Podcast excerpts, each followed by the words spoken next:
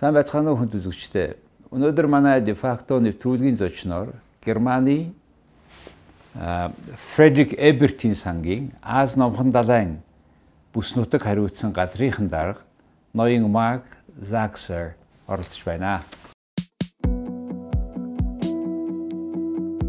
Марк Закер Фредерик Эбертийн сангийн Аз номхон далайн бүс нутаг хариуцсан газрын дарга Марк нь холбооны бүгд найрамд Герман улсын Манхаймын их сургууль, Америк нэгдсэн улсын Бостон хотын Массачусетс их сургуулийг улс төр судлаач, холбооны бүгд найрамд Герман улсын Хамбургийн их сургууль, холбооны бүгд найрамд Герман улсын Берлиний их сургуулийг тус тус төгссөн. Фредерик Эбердийн сангийн бүгд найрамдахын төх улс болон Таиландын Ванта улс дахь сөрөн төлөөлөгч, Фредерик Эбердийн сангийн Берлин дэх төвийн үйл ажиллагааны зохицуулагч зэрэг албан тушаалыг хашиж байсан. Түүний зохиол бүтээлүүд нь дэлхийн хамгийн нөлөө бүхий хэвлэл нийтлэлийн хэрэгслүүдээр 11 хэлээр орчууладан гарсан.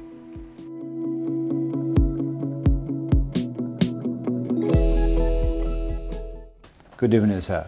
Good evening, and thanks Welcome for to having Mongolia. me. Thank you very Thank- much. Uh, you have a very interesting job. Please tell us about the foundations. What is the main goal of the foundations? Why is that overspread all around the world? Right. Okay. It's a it's a huge uh, question to ask. Well, Friedrich Ebert uh, was basically the first uh, uh, freely elected president of Germany in the 1920s, in what you uh, know as the Weimar Republic. Um, he strongly believed that uh, uh, basically you need Democrats for democracy. So there's a lot of political education, civic education that was basically the main goal of the society. And on the other hand, under the impression of the First World War, uh, he wanted to work on the understanding of the people of the world. And that uh, was the foundation of our international work. So we have uh, offices uh, in more than 100 countries around the world. Mongolia is one of them. Uh, we have uh, work in 16 countries in Asia for many years, sometimes 50 years in, in the countries. And uh, what we do specifically, of course, varies to the very situation in the local context. But overall, what we promote is peace, externally as well as internally in society, democracy, and social justice. Peace internally and externally. And also, you said understanding of people all around the world, right? And within this framework of your concept, you have been doing a lot work. You yourself personally spent almost six or seven years in Asia, Thailand, India, and you have been instrumental in many dialogues, forums about better understanding, deeper cooperations. What makes people now having this sort of turbulences in this? Well, I'm not talking about the Middle East, but in Asia, in this part of the world, still there's a lot of misunderstanding keeps going on. The war between two Koreas, I mean, the, this uh, not, not peace conditions between two Koreas nowadays, this high level meetings, etc. Why is that? I mean, we have so much civilization, we have everything, and yet we have so much not full understanding each other, not accepting. Mm. Well, I mean, let's step back a little bit and look at you know the bigger history of things. Uh, it's exactly 100 years ago that the First World War ended, and uh, when when it started, basically Europe perceived itself on the peak of its civilization. So there's a book which came out lately, which called the politicians of the time the sleepwalkers, who basically walked into the greatest slaughter of the 20th century until that far, um, and uh, no one saw it coming. So how is that possible? And I think um, while I think every society has its own history and its own path to walk, there are certain patterns that are more or less you know the, the same and uh, we call that the great social transformation so i think uh, if we look at it it's in particular a society that go through rapid modernization technological change economic change political change where, which creates a lot of insecurities, uh, a lot of conflicts within the society. And trying to shape this great transformation is a monumentous task. uh, so monumentous that it, without the proper institutions in place and without a proper view of what is actually happening, uh, a lot of people who are inside this enormous struggle don't even you know see what it is. So this is what we perceive as um, our purpose uh, working here in Asia is to say, look, um, what is happening here in your country um, is particular, but these are the greater patterns of history that are, to a certain degree, also repeating itself. And I think it gives some orientation. I think that's what's the most important ingredient in these, what I call transformation crisis orientation. You said you used very interesting word. Great social transformations that happened in Europe after that World War One, and about this period we are talking about of your the first president, elect president, etc. That's kind of happening in a way in Asia almost now, in, in, in Mongolia in particular too. And, and you, as you said, this social fast transformation creates a lot, rapid transformation creates problems. That's what is here happening in Mongolia, where now you are visiting with your delegations, where you have an office, where you have been playing an important role in, as you said, creating institutions in Mongolia, as mm. far as I know.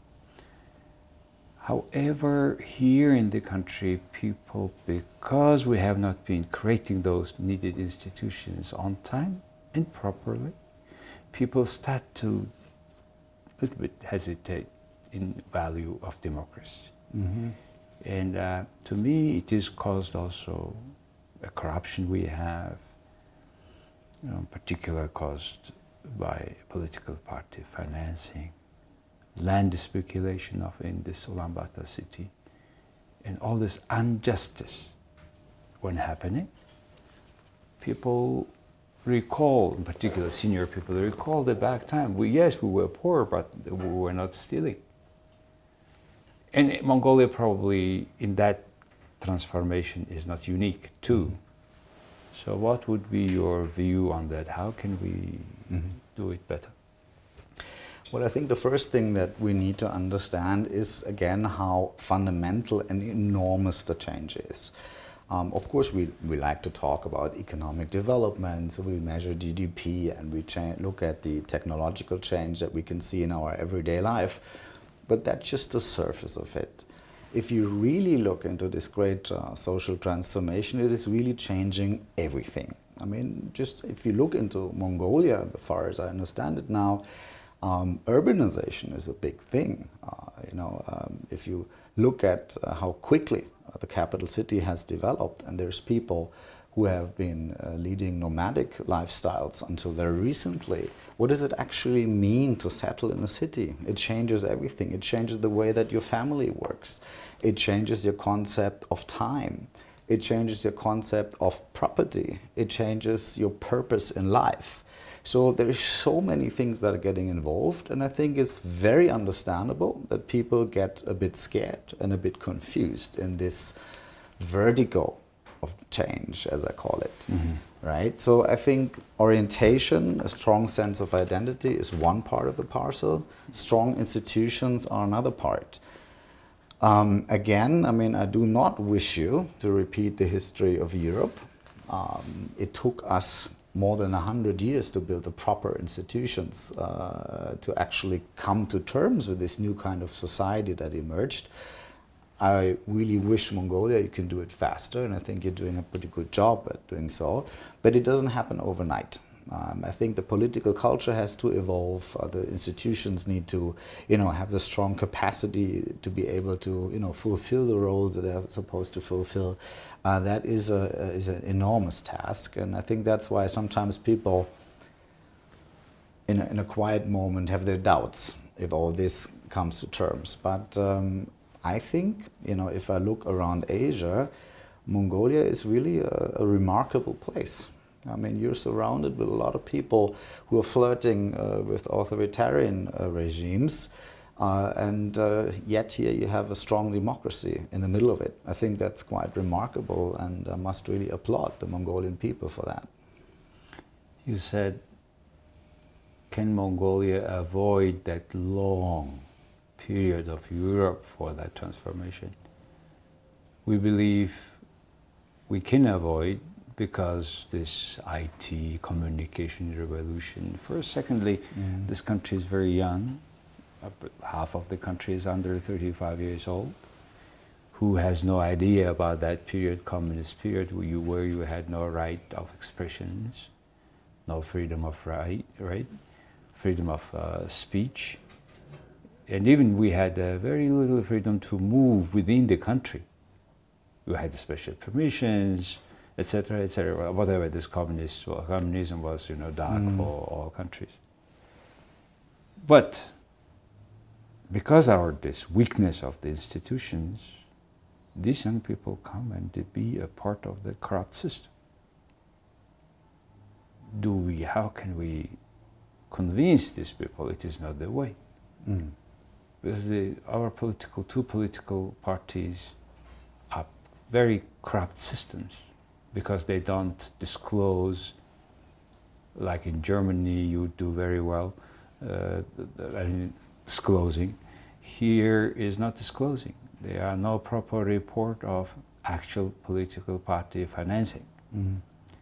The very symbolic Excel sheet is there, which is completely not true.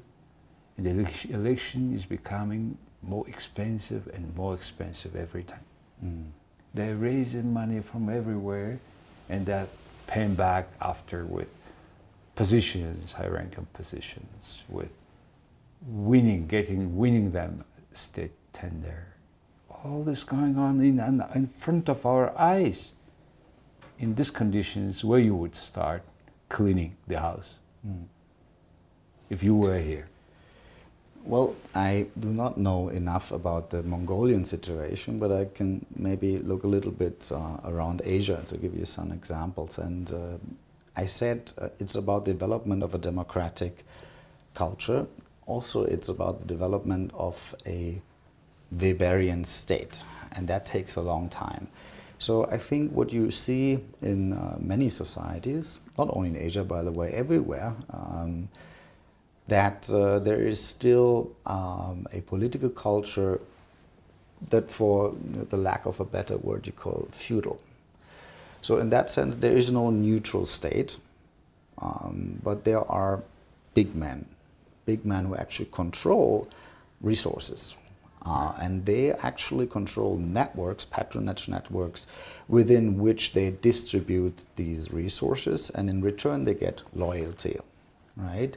So that's basically the, the, the main functional uh, cycle of, of societies like that. So, in a sense, you could say what we call corruption or nepotism or uh, clientelism or all these things uh, maybe are the symptom, but what is the disease? And I think the disease is that we still have political cultures which work like a patronage network and we're simply expected uh, a, a two-way trade-off where you get uh, protection and also a piece of the cake, and you have to show loyalty, right? And uh, then we use these other words and we describe basically this this main bargaining that's going on. Um, this is something which you can see in pretty much every country what I can think of right now, and uh, it does take a long while to uh, to build up this Weberian state uh, where you can basically have a neutral bureaucracy and you have uh, the rule of law, which can actually uh, detach the cycle of resources and the public goods that the state has to provide. You said rule of law. Is it also this natural bureaucracy. That's what both we tend to make in Mongolia. But unfortunately, it's also become a very cosmetic way. Mm. A judiciary system which is to control this rule of law, that nobody is above the law, is not working. Mm. because this judiciary system in, in this country, it, mostly all these major figures are nominated by the president, approved by the uh, parliament. Mm-hmm. But actually, they are kind of played by the president power. And nowadays, new struggle is going on because the president is replaced. New president, another new term, four years, and maybe another four years. And now they are fighting. And how long it takes time, how, how important it is to get educate people understanding that. Mm. Well, I mean, the simple answer is to build up a professional bureaucracy costs a lot of money.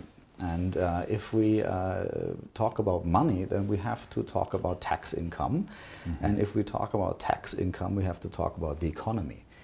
Um, if I understand correctly, uh, Mongolian uh, economy is very strongly dependent on the export of natural resources uh, and therefore the global commodity markets. And they're very extremely volatile. You know, sometimes they're up, sometimes they're down, and you feel it immediately in your pocket.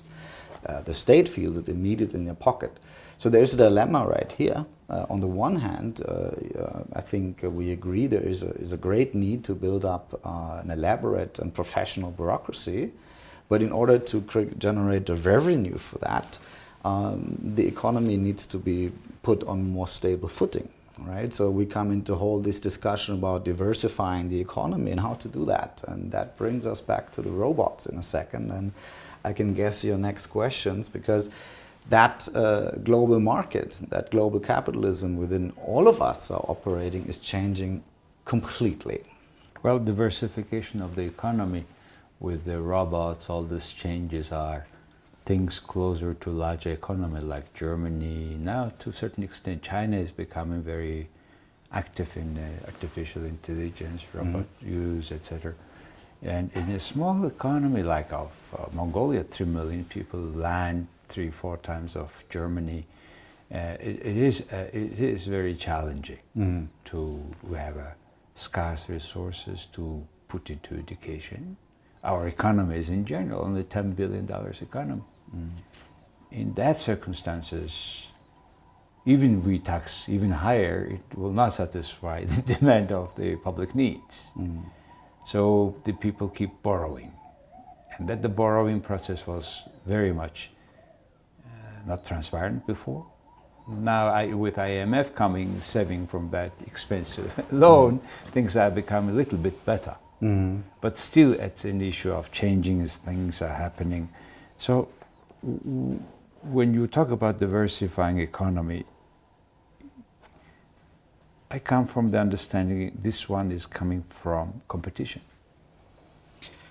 Well, I mean, um, I think we have seen several, you know, kinds of capitalism over the last um, mm. even 500 years, you could say, uh, mm-hmm. from the merchant capitalism and the industrial capitalism, the Fordist model, now financial mm. capitalism. Now we're going into a new wave, which you could call digital capitalism. Mm-hmm. So, what's the big difference? Uh, to quote uh, Jeremy Rifkin, uh, he calls that the zero margin economy. What's actually different between digital and analog? Well, mm-hmm. if you're producing something analog, it means you have to dig up some stuff and to build together some stuff and transport it around the world and then sell it to, to some, some consumer market somewhere in the world. Mm. And uh, all of that, you know, costs money. And uh, that means you have to produce mass production in order to have the economy of scale. So that's basically the, the law of the industrial economy. Now we go from atoms to bits and bytes. And the magic that is happening here is that uh, once I have produced a digital good, let's say an app or something like this, I can replicate it a trillion times and the cost doesn't go up at all. Right? So the rules of the market are changing, and that is actually uh, changing the way uh, capitalism works. So, what does that mean for Asia before we come to Mongolia? Well, um, we see that uh, the competition is fierce. Um, and uh, there are a lot of intelligent uh, artificial intelligence, robots, algorithms. Let's call them machines. You know, I think mm-hmm. we're talking about machines. It's easier to, I think, to group them together. And those machines are now performing tasks that humans have been performing until now, which can be a great thing because some work can be very dangerous and dirty. So, why would you have to do it? Um, let the machines do it. it becomes a problem at some time when the machines are doing all the work because how do you generate uh, livelihoods income, and income then right so there is this number one first huge debate all over the world how many of the tasks are the machines taking over mm-hmm. some people say all of them mm-hmm. so we call that robocalypse Mm-hmm. So that means there's a world without work, and the mm-hmm. humans are more useless uh, beings that are just sitting around on a sofa mm-hmm. and don't know what to do. Uh, on the other hand, uh, they call these people Luddites and say, You've been saying the same thing for 200 years. Every time we have a technological revolution, you people come and say there's no more work. Mm-hmm. It never happened. Capitalism will always produce new work, mm-hmm. right? Well, I you know tend to be the guy that's very much in the middle of it, and mm-hmm. um, I think um, you know these machines will take over a lot of tasks, but mm. uh, there will be new tasks. Mm. But in between, you're going to have enormous disruptions of mm. the labor markets everywhere. Uh, mm-hmm. Uh, it's going to take, let's say, two or three decades before you see a new mm-hmm. economy emerging, and it mm-hmm. become and it will be a very unstable mm-hmm. time. So, if you're an Asian economy let's say Japan, Korea, uh, Taiwan, China, Thailand, doesn't matter. Mm-hmm. Um, these economies had found the magic formula, right? Mm-hmm. And that magic formula was export led mm-hmm. and manufacturing led. Mm-hmm. Now, what you see is that in the old industrial cores in Japan, in Europe, in the US, you can produce through the machines much cheaper than before. So, this whole driver of globalization that mm-hmm. catapulted Asia into the limelight over the last 40 years mm. is using losing steam because mm. the comparative advantage of cheap labor is vanishing. Mm-hmm. And what remains is the things that you've been talking about earlier mm. corruption, uh, lack of skills in the workforce, um, mm-hmm. intellectual theft, uh, long transport ways, by the way. You know, that's a huge thing. Mm-hmm. It's like uh, it takes four weeks to ship a garment from Bangladesh to the European market.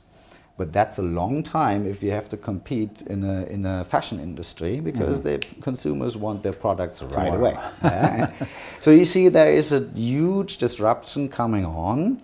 And uh, in particular, those countries which are not so high up the global value chain, that are mm-hmm. basically, I've been to India as you've been mentioning, right? So mm-hmm. for them, they feel now it's our time. Mm-hmm. You know, now we are surging. We take all these industries and we will basically also rise just the way that China mm-hmm. and Japan have been risen.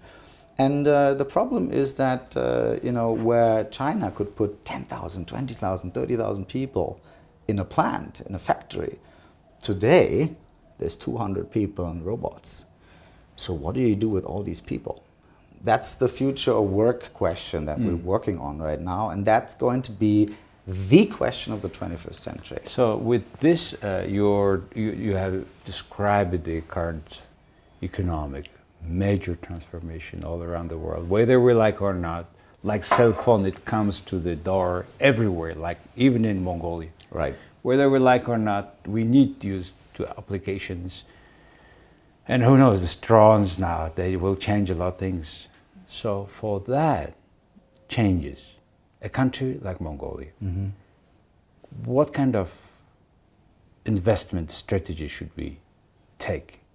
Is it particular education that we prepare now? Forget all this, all basics, but now get everybody making applications, mm. or get every kids thinking about the robots. Mm.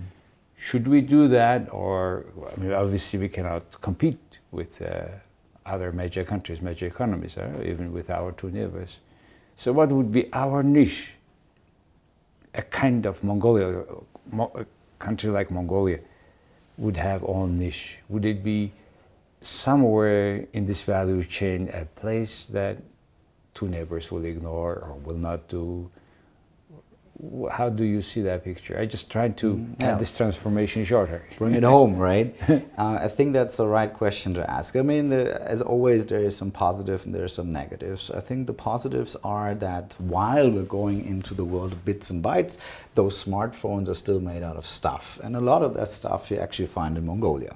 Copper, for instance, uh, is going to be uh, a commodity uh, that has a lot of demand in, in this new market. So I think when it comes to natural resources, Mongolia is in a good place. But natural resources industry are not creating much jobs. Exactly. Right? So that's what I said earlier. There's a need to diversify, and that's a t- much tougher nut to crack. Uh, so I think, let's say, 20 years ago, uh, people would have talked about manufacturing. Mongolia was never so well placed because you're a landlocked country yep. and you know the transport ways are too far. So it probably was never a really good idea. Today you missed the bus. There's no more way that manufacture makes any sense. So and it was good, I think. probably in the long With run, our it was good. yeah. smaller population. Exactly. So I think we, I mean, you know, agriculture is going through modernization at the same time so you're doing the same work with less people so it's also it's not a job machine in that sense you know True. i think investment needs to come but on the other well, hand people will still eat they will demand high quality organic food precisely uh, that is a good idea but in terms of job numbers i think yes. agriculture is not the place to look True. which kind of leaves you with services if you really think about it. And there you also have this kind of advantage and disadvantage situation. Um, what is possible right now is through technology, for instance, the Amazon Turk uh, platform, is that you're a young person uh, and you, let's say you are a tax accountant or something like that, you can apply directly in the global service market uh, for a task to perform, and you do it from here. You don't have to physically go where. So you can basically make the tax declaration for a family that lives in Atlanta, Georgia, in the United States. So that I think is a chance for the individual.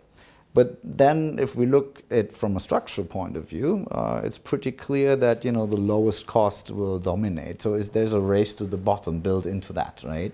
So is this really something? So I think um, the only way to escape this trap is is to move up the global value chain, and that brings us right to what you said. It's about skill, skill, skill, education, education, education, basically. So that's about language skills, because I mean, if you really think about it, I mean, what's going to be left when the machines can do the, all the stuff that we've been doing. Innovation, leadership, experience, creativity, social skills.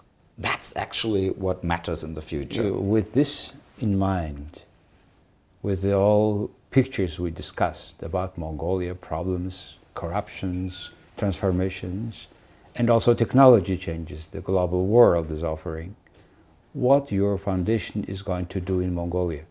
What will be new? What will be your accent? What will be your focus in Mongolia? Well, I think the future of work is a fascinating topic. I think uh, it's not as much talked about as it should be uh, which is also, by the way, similar in other countries. I think it needs to be the center of attention because think about the social consequences and the political consequences when the labor market is not stable. I think this is becoming the question of the future, right?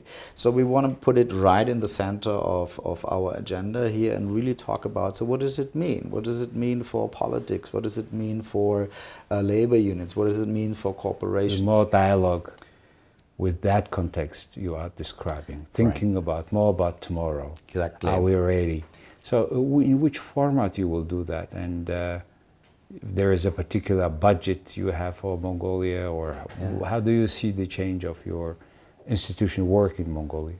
There is a program which is called the Economy of Tomorrow. Um, so that brings together uh, top economists, but also political decision makers from all the major economies of Asia, mm. and some Europeans are also joining sometimes, where we're debating exactly those questions. So, what is the labor market of tomorrow? What is the energy energy system of tomorrow? What is the education system of tomorrow? So, you will involve all stakeholders in Mongolia. Precisely, and then of course there's the work that we do right here, uh-huh. right. Uh, FES uh, is, is basically offering a platform for dialogues about these topics um, if there is expertise needed, we can provide. But basically, it's, I think it's more important to bring people to the table and really talk about from different angles and different perspectives. Exactly. That's why uh, what you have been doing in Mongolia was always that platform where people come with uh, facts, visions, and discuss.